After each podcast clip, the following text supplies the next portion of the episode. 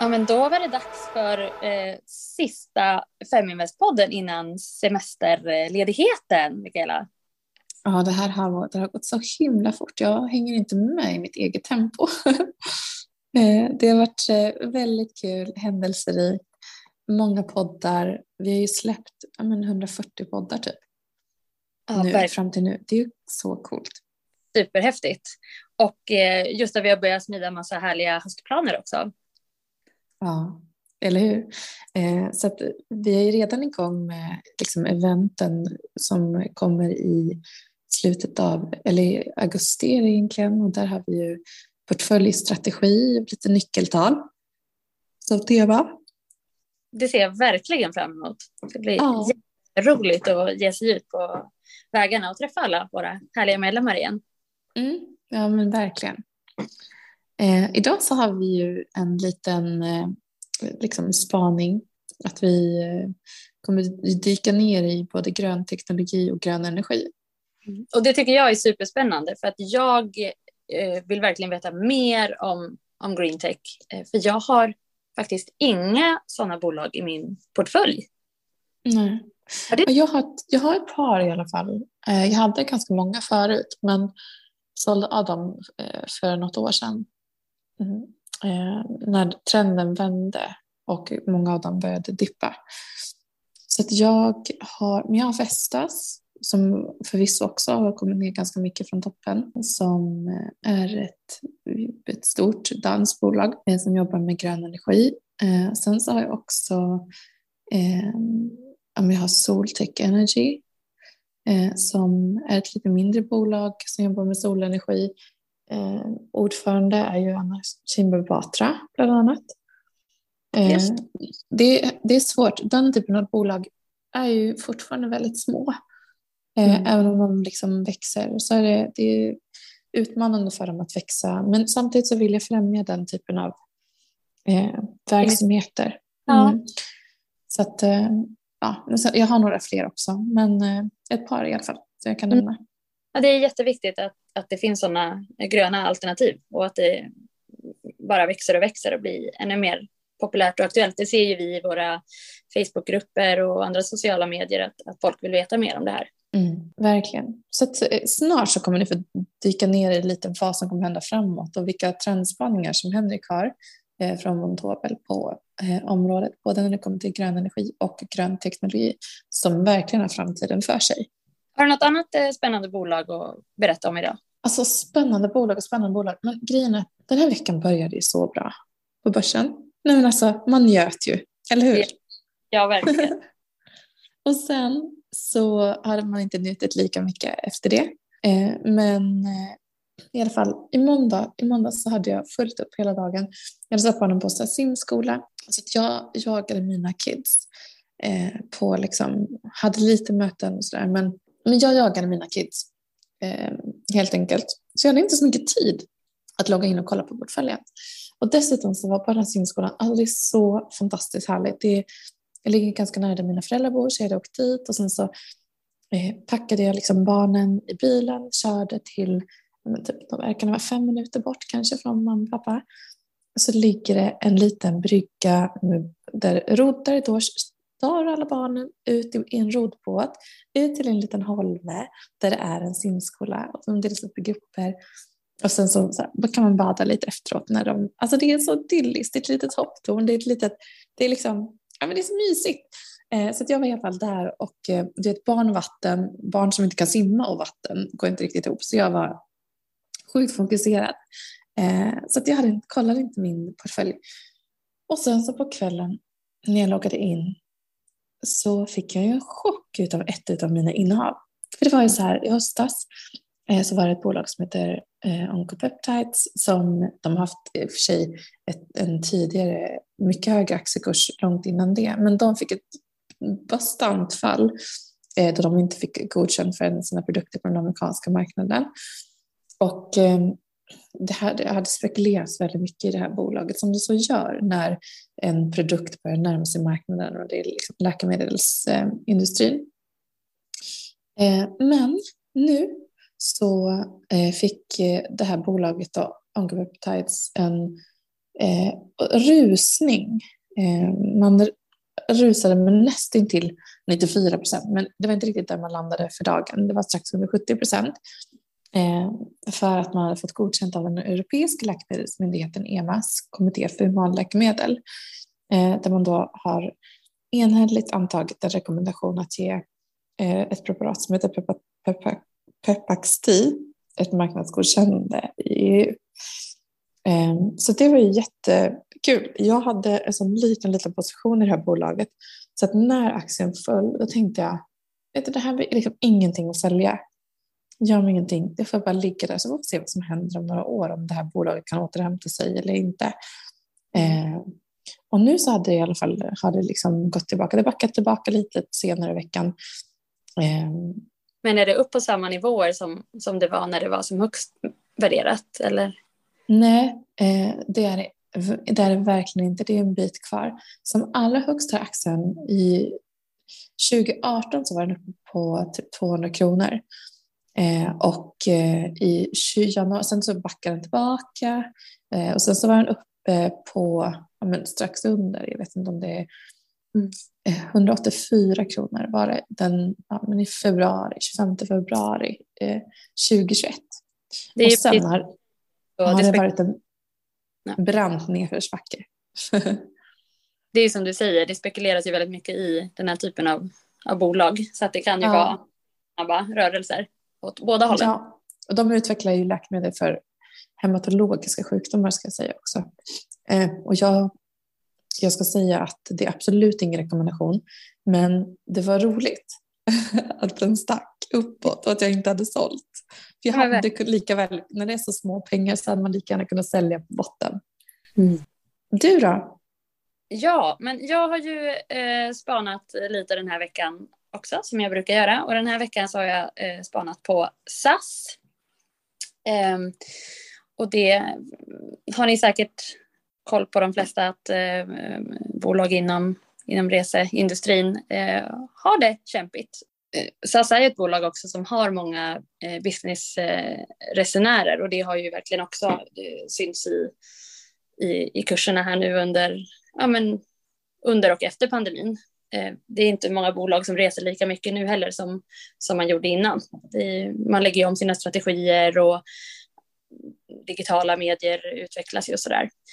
Ehm, så SAS har en, en skuld på 20 miljarder kronor eh, och SAS ägs delvis av eh, svenska och danska staten. Sverige gick man ju ut och sa att nej men nu tänker vi inte skjuta till några mer pengar. Men i Danmark sa man att jo men vi ska nog skjuta till lite några kronor till. Ehm, och i dag, tror jag det var, så kom den norska regeringen och eh, sa att ja, men eh, vi har en, en skuld till SAS på 1,5 miljarder och vi kan tänka oss att, att eh, förvandla den skulden till aktier ehm, och bli SAS-ägare på, på kort sikt. Mm. Ja, men det är väldigt um det är intressant att se hur det här bolaget kommer att hantera. Det är verkligen från kvartalsrapport till kvartalsrapport.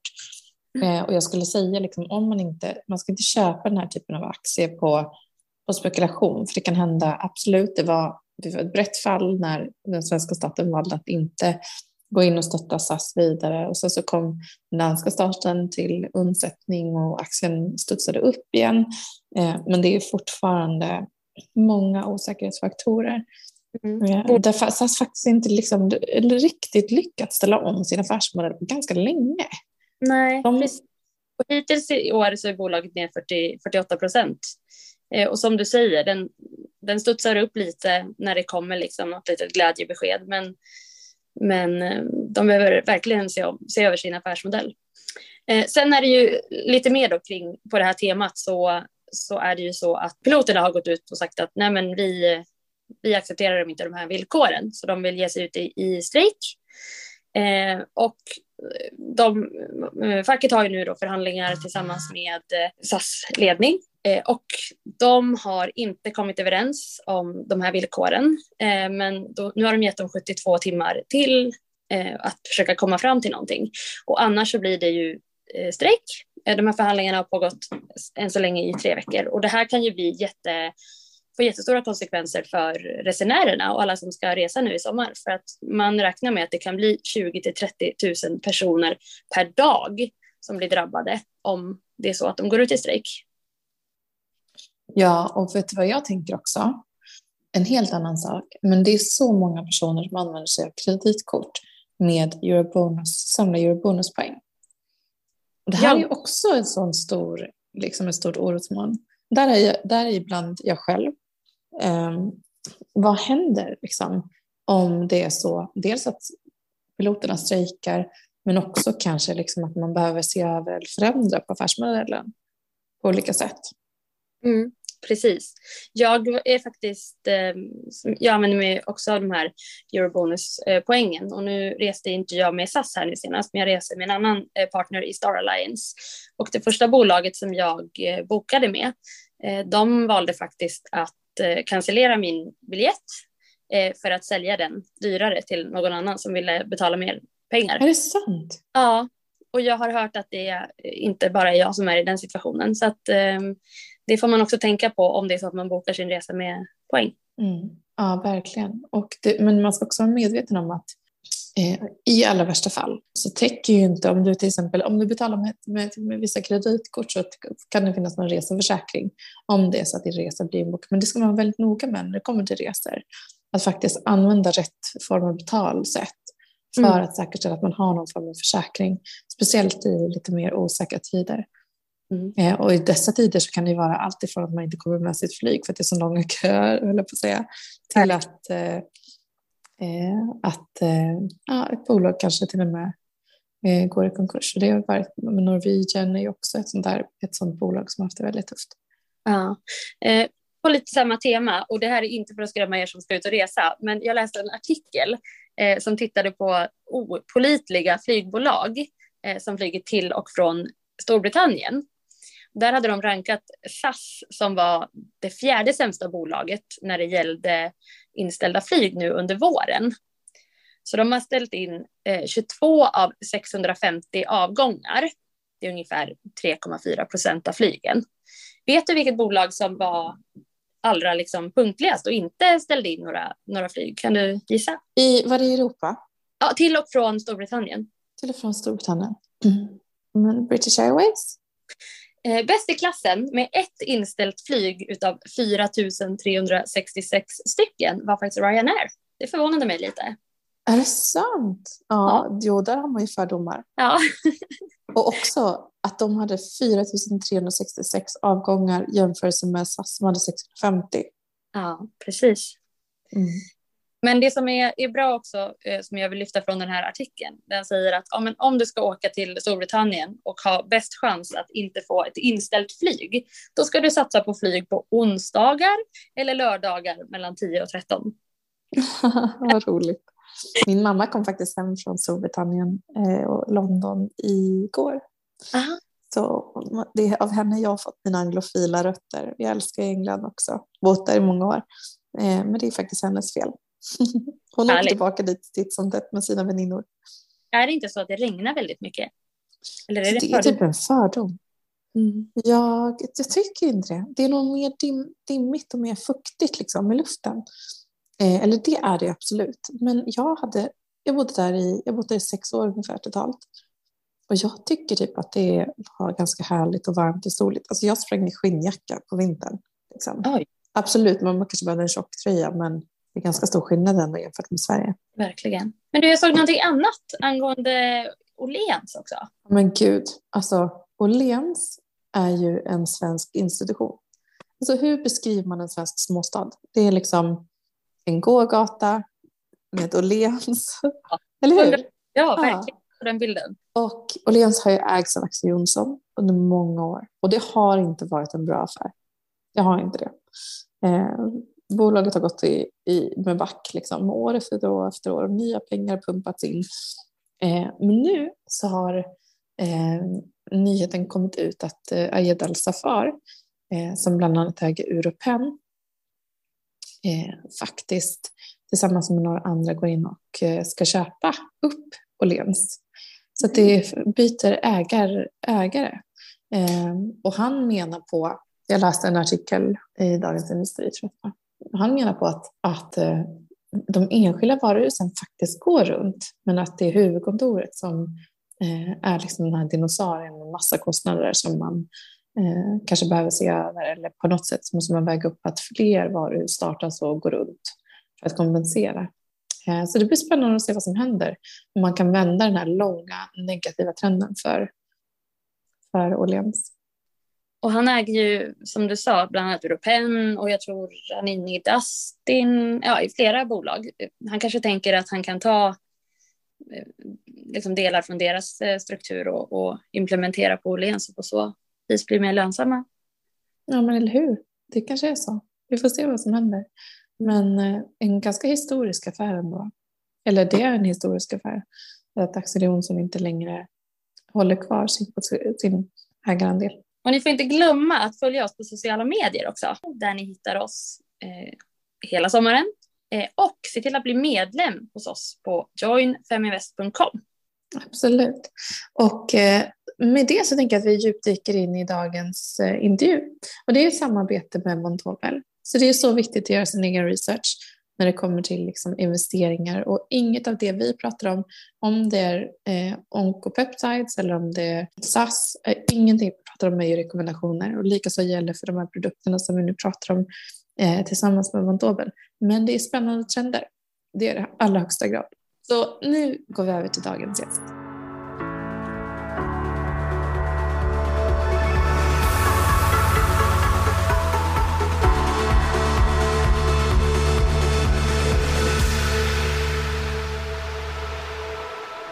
Ja, men det är så mycket som händer på eh, liksom, globalt sett egentligen när det kommer till att försöka innovera och förbättra hur vi använder energi, hur vi använder eh, och förvaltar det vi har av naturresurser generellt. Det finns liksom oerhört mycket att göra och det är så spännande för det är som att det kokar i liksom innovation och eh, nya tekniker, nya produkter och så vidare. Eh, och idag så ska vi prata med Henrik Herman som är ansvarig för distributionen av nya produkter som eh, lanseras i Norden och som är eh, baserade på intressanta trender eh, som faktiskt har ett stor potential. Och eh, just nu så har de identifierat två olika trender som de då har tagit fram trackers för. Den ena är eh, inom grön energi green energy och den andra är inom grön teknologi. Och varför de har gjort det, på vilket sätt de här äh, indexen ser ut och hur man kan investera i dem samt ja, trender och data som stöttar och visar på liksom, eh, varför de här marknaderna har potential att bli väldigt stora. Det kommer vi att dyka ner i nu. Så Henrik, välkommen till eh, Feminvest-podden. Du är eh, inte helt ny i det här sammanhanget. Nej, det är jag inte. Tack, tack så mycket Mikaela, tack att vi får vara med idag igen. jo, alltså som, som, som sagt, grön, grön teknologi, grön energi, det, det är dagens tema. Och, eh, och, och, och som, som, som Mikaela nämnde så uh, ja, vi, vi på Fontobel så vill erbjuda investeringsmöjligheter och investeringslösningar där, där uh, berättar vi, vi kollar på nya trender, vi kollar på, på egentligen någonting som, som förväntas ändra vår, vår värld och vår omgivning och på det sättet uh, genom investeringar ta nytta av, av den här kommande förändringen i, i, vår, i vår omgivning. Och, uh, och som sagt, dagens, dagens tema är ju inte, det är inte något nytt. Jag menar, ESG och uh, frågor gällande Äh, vår, vår omvärld har varit väldigt ak aktuella senaste åren och, och kommer att fortsätta att vara aktuella äh, i framtiden. Det tror vi starkt på. Och äh, speciellt med, med tanke på äh, dagens, ska jag säga, ekonomin i, i, dagens värld där, där vi har hög inflation, vi har hög, höga kostnader för, för bränsle, transport, boende, mat. Så allt det här så hänger ihop med, med vår omgivning och, och med ekologiska frågor. Så, så som sagt, vi, vi ser för tillfället att, att uh, det är en ypperlig chans att uh, om inte man ännu har investerat i, i ska vi säga ESG eller gröna frågor så, så finns det en möjlighet att göra det nu. Och, och även om man har investerat så, så finns det en möjlighet att kanske fokusera investeringar på, på ett mer specifikt sätt när det kommer till, till teknologi och energifrågor. Och, eh, och egentligen det, som, det sättet som vi förverkligar det här är via, via um, ett certifikat, eller i det här fallet två certifikat, som, som är listade på börsen och uh, som kan handlas normalt via uh, bank eller mäklare och förvaras i, i, i depå på samma sätt som aktier eller som del av ISK eller, eller ja, som en normal investering. Och, uh, är det ditt jobb egentligen? Det är det som du gör på heltid? Att identifiera den här typen av trender och ja, säkerställa att, att ja, det är relevanta produkter? Ja, naturligtvis så, så, så, när det kommer till allmän distribution av finansiella instrument så, så hänger det ihop en hel del i den här processen att, att äh, ska vi säga, komma upp med en idé och från den här idén äh, förverkliga ett sätt att, att investera i, i den här idén eller trenden. Att, eh, att det är som sagt flera steg, steg som måste gås igenom och, eh, och, och, och inte bara med att identifiera dem, eh, den trenden, men sen att identifiera de bolagen som, som förmodligen tar nytta av den här trenden. Och, och efter det paketera det till ett index eller en portfölj. Och, och efter det lista det på börsen eller värdepapperisera den här investeringen och sen erbjuda det till, till då, eh, investerare. som i det här fallet så, så till då Feminvest och, era, era investerare och era medlemmar. Så så, så det är en process och, eh, och normalt så, så tar det från veckor till månader att, att, att göra den, Men, eh, men det är väldigt spännande och, och, och, och som sagt, man hålls, ska jag säga, väldigt, väldigt aktuell i, i investeringsfrågor. Det är definitivt en av de största fördelarna. Mm. Ja, men precis som du säger så green tech och green energy är ju superpopulärt och, och många vill liksom, eh, veta mer. Och nu har ju ni lanserat de här eh, produkterna inom de här två eh, segmenten. Kan du gå lite djupare in på, på dem? Jo, förstås. Så som sagt, vi har, vi har två, nya, äh, två nya certifikat som är då listade i, på Stockholms börs. Och, äh, och de, de kallas då Track Green Energy B och sen uh, Track Green Tech B. Så, så det är egentligen båda, båda namnen beskriver ganska, ganska bra vad det handlar om. Och, eh, och de som sagt, eh, de, de listades nu i början av månaden, så de, de har handlats sedan sen 7 juni. Och, och ja, om vi, om vi ser mer, ska säga, mer specifikt på de här, de här, olika, de här två olika strategierna, så, um, så har vi förstås energidelen, var, var fokus är på, på bolag som försöker hjälpa uppnå klimatmålen som har ställts av, av äh, till exempel Europeiska unionen och av, äh, av Parisavtalet och, och, så här. Att, att, att här är ska säga, mera fokus på att hur vi genom bolag och, och investeringar kan minska äh, utsläppen, speciellt i koldioxid. Och uh, sen igen den här certifikat eh, fokusera mer på att, att äh, på bolag som, som genom äh, social förändring och, och, ska jag säga, förändring i vårt samhälle äh, genom teknologisk innovation kan förbättra då, det, ska jag säga, det gröna inverkan i, i, i samhället.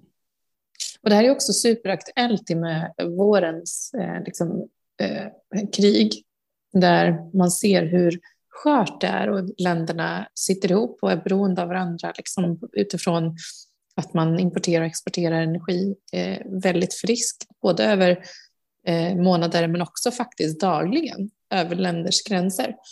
Eh, och det här, eh, jag vet att ni har identifierat en trend då där ni ser en, en tendens att man som land då naturligt mot bakgrund av det som har hänt vill börja säkerställa att man i högre utsträckning kan vara mer eh, självständig när det kommer till energiförsörjning. Och jag såg lite data i, i er rapport där om att Schweiz till exempel bara har en fjärdedel av energin som, eller från, från ja, sin egen produktion så att säga. Ja, det stämmer och, och, och det här är förstås i, i många europeiska länder ett stort, stort problem. I, i Schweiz så naturligtvis så, så finns det en väldigt hög nivå av förnybara energikällor i och med vattenkraft, men, äh, men om vi ser på Centraleuropa mer allmänt så, så till exempel här i Tyskland så, så är vi väldigt beroende av, av energiimport. Och, äh, och nu speciellt då med, med den situationen som, som finns vad det gäller då, speciellt gas i Europa så, så är det ju ett stort problem som alla, äh, om inte man är ännu mån om det så, så är det någonting som kommer att bli väldigt aktuellt på, senast på hösten där, när, eh, ska vi säga, när värmen kommer att, att gå ner och, och ja, det behövs uppvärmning av hus och, och, och även energi för, för industri och, och eh, företag. Eh, och, och, här är det naturligtvis äh, faktorn att, att det används väldigt mycket kolkraft. Kol är ju det enklaste äh, ska vi säga, energiformen att, att, att, transportera och implementera i olika länder. Att, att när det kommer till, till olja så det är betydligt mycket mer komplicerat. Att man, kan inte, man kan inte bara plötsligt importera olja från Mellanöstern till, till, till exempel Tyskland för att det finns olika raffinaderier och det är olika oljeklassifikationer eh, som inte går att, att, att, att ska säga, raffinera i de här äh, olje, olje då, äh, hamnarna. Och, äh, och det, det är som sagt det, det är näst svåraste, sen svåraste är naturgas i och med att, att äh, det är väldigt beroende på, på pipelines eller då på LNG äh, eh, shipping, LNG shipping så är någonting som normalt har den här ska säga, strömmen varifrån äh, fokuserat mer på Nordamerika och Asien. Men nu så, så, så, så tror vi, eller jag ser att, att det, det finns en, ska vi säga, en, en stort, eller stort behov i Europa och förhoppningsvis så kommer vi att få en, en större allokering av, av LNG nu kommande höst. Men, men också här krävs det väldigt uh, komplexa uh, hamnar som, som kan ta emot de här LNG uh, shipments och vad heter det. Och det är inte, det är inte så enkelt som sagt. Så, um, så blir, jag tänker blir... också, ja, men det, det är verkligen, och um, jag tänker så här, innan vi går vidare, för det här är en jättespännande diskussion och jättespännande samtal om liksom, var, varför, varför, vilka utmaningar ni ser, vilka trender ni ser och så vidare tänker det är kanske någon som faktiskt inte vet vad en tracker är. Eh, ah, eller okay. ett trackercertifikat. Så vi kanske yeah. så vi börjar där, så vi har det avklarat så kan vi komma in och fortsätta med den här spännande diskussionen. Perfekt, Perfekt. Det, det, det, är bra idé. Det är bra idé. Så, så egentligen vad en tracker är, så, så det uh, kan jämföras med, med en fond eller en ETF, men, men det är viktigt att komma ihåg att det är inte en fond eller en ETF, utan, utan det är ett certifikat. Och uh, egentligen det garanteras inte av, av uh, eller vi som bank garanterar det, men, men ägande så sker via ett index. Och, eh, och som sagt en fond till exempel, så de köper, de äger de här specifika aktierna, det är ett fond, ett bolag, ett certifikat. Eh, eh, lik, liknande till ett ETF, så det handlas på börsen. Eh, och, och fördelarna med det här är att, att som sagt vi kan erbjuda väldigt fokuserade investeringar som, som erbjuder tillgång till marknader som, som kanske annars kan vara väldigt svåra att, att, att som investerare uh, handla på. Om vi ser på de här då, exempelvis på de, de två certifikaten vi har nu, uh, eller då, Energy och, uh, och Technology, så finns det bolag från runt hela världen. Det finns från Japan, Kanada, USA, förstås Europa. Men, men, men här är just det att, när, det, när man handlar i flera olika marknader och valutor så för, för som sagt för en privatinvesterare kan det bli väldigt dyrt. Och i vårt fall så, så, så tar vi då den här urvalet av aktier som, som, eh, som definieras väldigt noga av, av ska vi säga, den här indexstrategin. Och då, som sagt, indexstrategin så, så det, i det här fallet när det gäller då gröna aktier och, och, och gröna energiaktier mer specifikt, så, um, så tar vi då uh, urvalet av, av marknader i världen och, och, från det här så väljer vi då företag som direkt producerar förnybar energi eller erbjuder produkter och tjänster inom den här industrin eller annan relevant infrastruktur som, som eh, kan användas inom då förnybar energi. Så, så huvudsakligen så talar vi om sektorer som, som sol, vindkraft, vattenkraft, eh, bränsleceller, vätgas eh, och, och infrastruktur kring det. Att, att de här företagen så de, de sorteras enligt ska vi säga, en, en rating som tar i beaktande deras då ESG eller deras gröna footprint och på basis av det här så väljer vi då 30 bolag som representerar då den här exponeringen eller det här indexet. Men precis som du säger så finns det ju otroligt stort utbud av uh, bolag inom green tech och green energy och, och du säger att ni, ni väljer ut de här men vad är det för olika kriterier som ni tittar på när ni screenar bolagen? Så, så det viktigaste är naturligtvis det att, att, eh, att de uppfyller som sagt eh, ESG, en ESG-rating som då MSCI som är eh, en väldigt stor eh, indexberäknare, eller det är ett bolag som då erbjuder olika investeringsindex. Så de ger ett betyg basis på då de här bolagens ESG.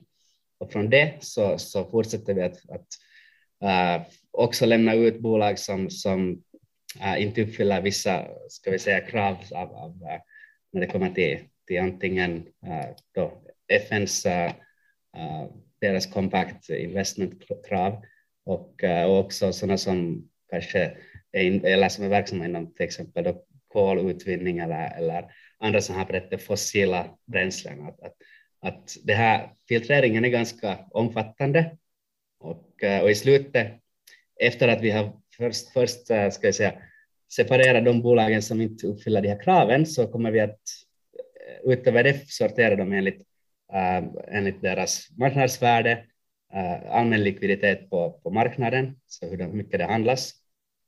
Och, uh, och efter det här så får vi då det här urvalet. Och, och orsaken förstås varför vi väljer de största bolagen och, och som har bästa likviditet är naturligtvis att, att det ska lätt gå att handla in och ut från, från det här instrumentet. Mm.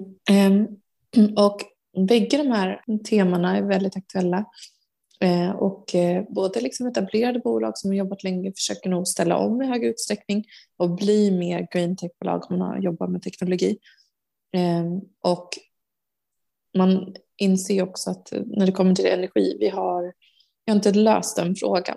Vi behöver skapa nya förutsättningar för att få fram eh, renare energi. Vad ser ni då för liksom, trender inom de här om, områdena? Varför har ni identifierat att det här är något som ni tror väldigt starkt på? Alltså, att som vi ser på, på globala konsumtionen av, av förnybar energi så, så vi, vi förväntar oss att egentligen från, äh, från dagens läge eller ska vi säga från, från dagens äh, förbrukning så, så fram till 2050 så, så kommer det att, att ungefär fem eller sexfaldigas då, äh, konsumtionen av förnybar energi.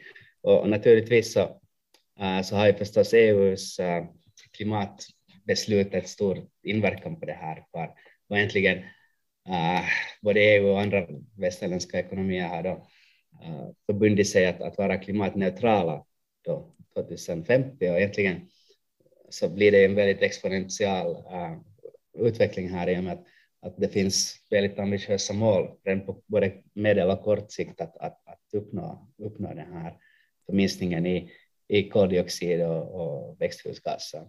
Att, uh, mm.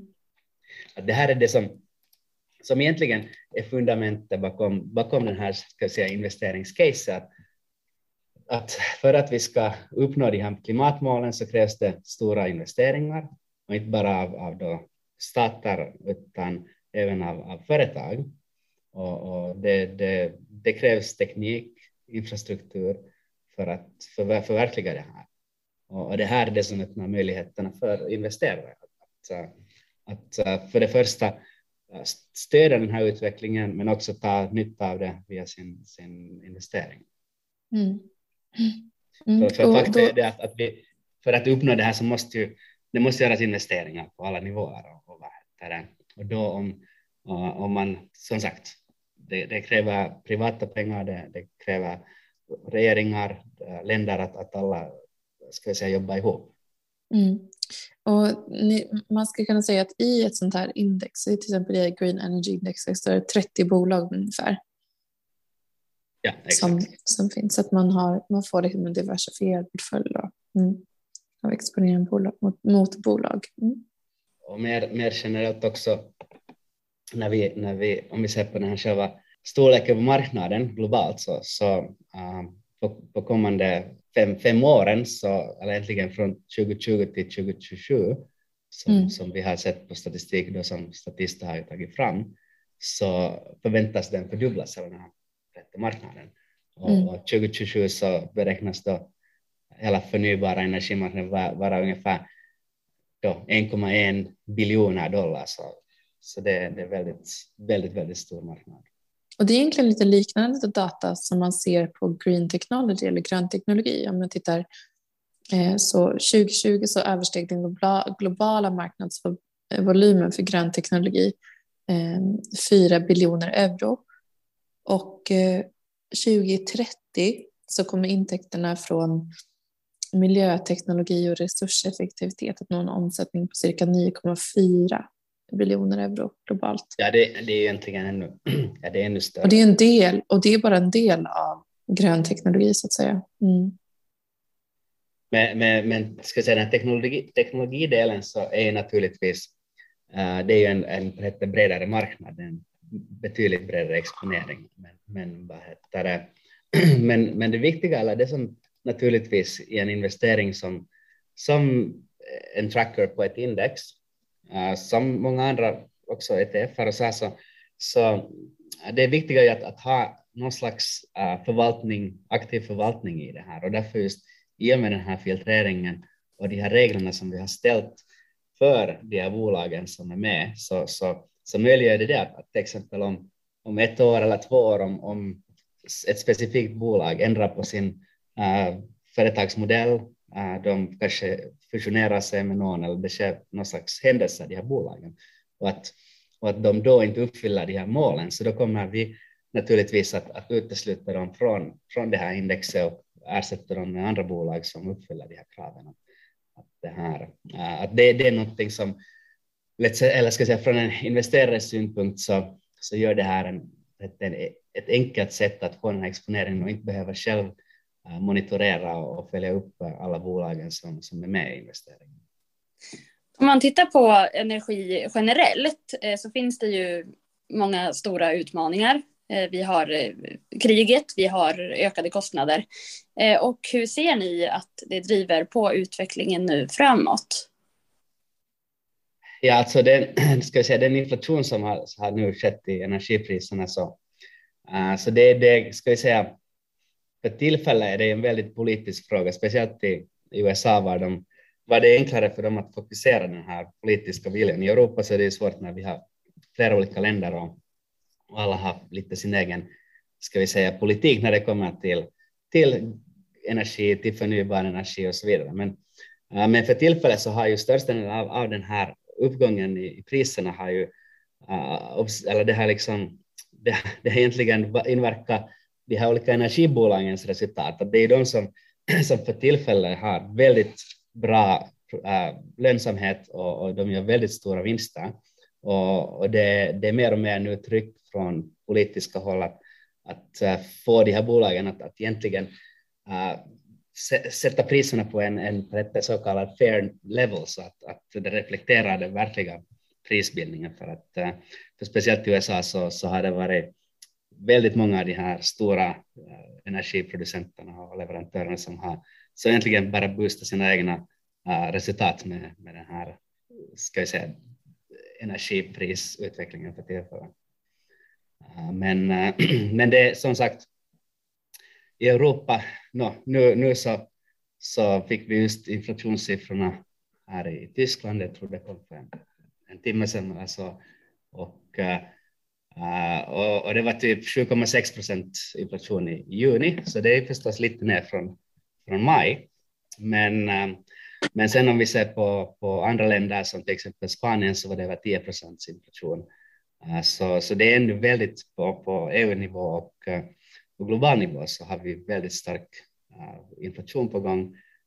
och det här naturligtvis har en stor inverkan på konsumenter och, och på ekonomin i, i allmänhet att det, är, det är en väldigt, väldigt svår fråga. Att vad, vad kommer att ske? Men, um, men ja, det, det, måste, det måste vara någon slags uh, politisk uh, konsensus om, om, uh, om att energipriserna speciellt så måste, måste sättas på en nivå som, som, som konsumenterna kan, kan leva med. För att, för ja, jag vet inte hur, hur det är. Jag menar, det, det, är också intressant att jämföra olika delar av Europa. Att just ju längre norr man går så, så, det, så finns det ju mera förnybara, eller det används mera förnybar energi. ja, i Sverige så har vi vattenkraft. 75 procent ungefär av vår energi kommer därifrån. Eh, så vi är ju, jag skulle ändå säga, vi är i ganska hög grad liksom, har möjligheter till att vara självförsörjande i alla fall. Men det är väldigt påtagligt. Så i Norrland till exempel så är det ju inte alls lika höga kostnader för energi eh, som det är i Stockholm eller i södra Sverige. Sverige. På samma sätt i, nej, förstås vindkraft och, och, Norge har förstås de har både vatten och vind och olja och, och det, det hela. Mm. Men, men sen när vi går till, söderut till, till, till Tyskland och och Italien och så här så, så blir det väldigt mer komplicerat för det är mera, uh, ska vi säga, just sådana här fossila uh, bränslen som används för, för, eh, för både uppvärmning och, och eh, elproduktion. Mm. Men om vi går till det här eh, Green Tech-indexet också som jag tycker är spännande så vet jag att där tittar ni också på förnybar energi som en del. Ni tittar på eh, liksom en, en vatten en hållbarhet när det kommer till vattenförsörjning, vilket vi, vi också tar för givet här, men det är verkligen inte så. Energieffektivitet tangerar eh, liksom, eh, förnybart och, eller energifråga. Exakt, exakt. Men sen tittar ni på några andra områden också. Kan inte du berätta lite om det? Ja, exakt. Så den här själva teknologin, därför, därför blir det en betydligt större marknadsexponering för att den här själva green tech uh, uh, trackern, så den, den tar som sagt även utöver förnybar energi och, och uh, energieffektivitet så ser den också på, på cirkulär ekonomi och egentligen att, att handla med knappa resurser. Att det, det här är något som, som har att göra just med återvinning, uh, som sagt planering av, av uh, både infrastruktur och, och uh, utvinning av, av som sagt av, av den återvinning och utvinning av, av resurser. Och, och, och det här är en, en som sagt väldigt, väldigt uh, stor fråga för att för tillfället så, så återvinns ungefär en, endast en, en 10 till 15 procent av, av avfallet globalt. Och, och, och, i Europa så är det betydligt högre siffra. Uh, och det, men i Europa är det också under hälften som, som inte nu återvinns. Och, uh, och här så, så finns det naturligtvis också på samma sätt som, som med energikraven på, eller ska jag säga, utsläppskraven på kol, koldioxid så finns det också på EU-nivå uh, mål eller sådana siffror som, som vill uppnås fram till 2035 när det kommer till återvinning. Och, eh, och egentligen från den här på nivå för tillfället så, så, som är just under 50 procent så, så inom kommande 12 åren så vill, vill vi nå i Europa en nivå på 65 procent av, av återvinning av alla, alla material. Så, så det är också, eh, det är också en, ska vi säga, en massiv industri som, som eh, kräver pengar, kräver investeringar och, eh, och därför så, så ser vi att, att om man vill vara med i ska vi säga, den här gröna utvecklingen i framtiden så, så är det här en del att, att fokusera på. Mm. Det har blivit dags att börja avrunda dagens podd. Eh, tack snälla Henrik för att du kom hit. Om det är så att våra lyssnare vill veta mer om dig och Fontobel, vart vänder de sig då? Ja, det, det är en bra fråga. Vi finns på, på Twitter. Där så, så skickar vi ut också alltid aktuella äh, tankar och, och investeringsidéer. Men, uh, men ett bra sätt är att, att söka fram vår webbsida Eh, det går lätt att till exempel googla då Fontobel och Sverige, men adressen är certificates.fontobel.com eh, och där hittar ni våra kontaktuppgifter via e-mail och telefon och så här. Så det är fritt fram att kontakta oss med frågor. Mm. Tack så mycket för, för vår del. Mm, tack Henrik. Det är så semester snart för oss. Det här är den sista podden vi gör inför semestern. Så vi tar ledigt i juli och det vet ju du säkert som sitter i Tyskland att så här, svenskarna checkar ut i juli. Eh, vad ska Ja. du göra? Ja, jag, ska, jag, jag har nu en del förstås här att, att eh, jobba, jobba med innan, innan det blir semester, men jag ska försöka eh, ta mig också till, till Finland i något skede, uh, varifrån jag är hemma. Och sen eh, om vädret inte är hemskt bra där så åker jag kanske till södra Europa och, och försöka hitta sol någonstans. Mm. Det är planen. Hur, hur är det själv då? Vad har ni planerat? Ja, men där är vi två. Vi, vi var ute hos polisen igår och styrde upp pass till mina barn. Eh, de kommer vi inte hinna få, men vi har nationellt ID-kort la vi till då, så att man, då får man det på fem dagar, för det är så långa köer och förseningar på passen. Så att eh, vi får se. Men vi åker till Gotland nu och ska vara där i alla fall först och det är ju jättehärligt och faktiskt ganska solsäkert, så jag hoppas på sol. Ja, det, det kan jag säga, det lönar sig att ta väldigt mycket tålamod med. Jag, jag, jag har varit ute och rest senaste veckorna för, för jobb och så här, så det är väldigt långa köer, det, det är väldigt Ah. mycket folk som rör, rör sig omkring, så, Mm. så ta, ta mycket tålamod med och tid. Mm. Det Mm, tack. Och Elin, du ska upp till Östersund. Ja, som våra lyssnare vet så har jag redan eh, fått lite semester i, i början på, på sommaren här. Så att mig kommer man hitta arbetandes i en klädbutik i Östersund. Så man får gärna komma och säga hej om man har vägarna förbi. Mm. Kul. Och det är där din mamma bor också. Ja, precis. Mm. Henrik, ha en härlig sommar och så ses vi eh, och kommer styra upp lite spännande aktiviteter under hösten tillsammans med dig också som vi ser fram emot. Så alla lyssnare och eh, ni som eh, kanske lyssnar på det här redan har gått på semester önskar er en fantastisk sommar. Njut i solstolen där ni är och eh, skicka in era frågor och tankar om vad ni vill att vi ska ta upp framåt i podden också. Det är bara roligt. Ha det gott allihopa. Tack så mycket. Hej. Hej. Hej då.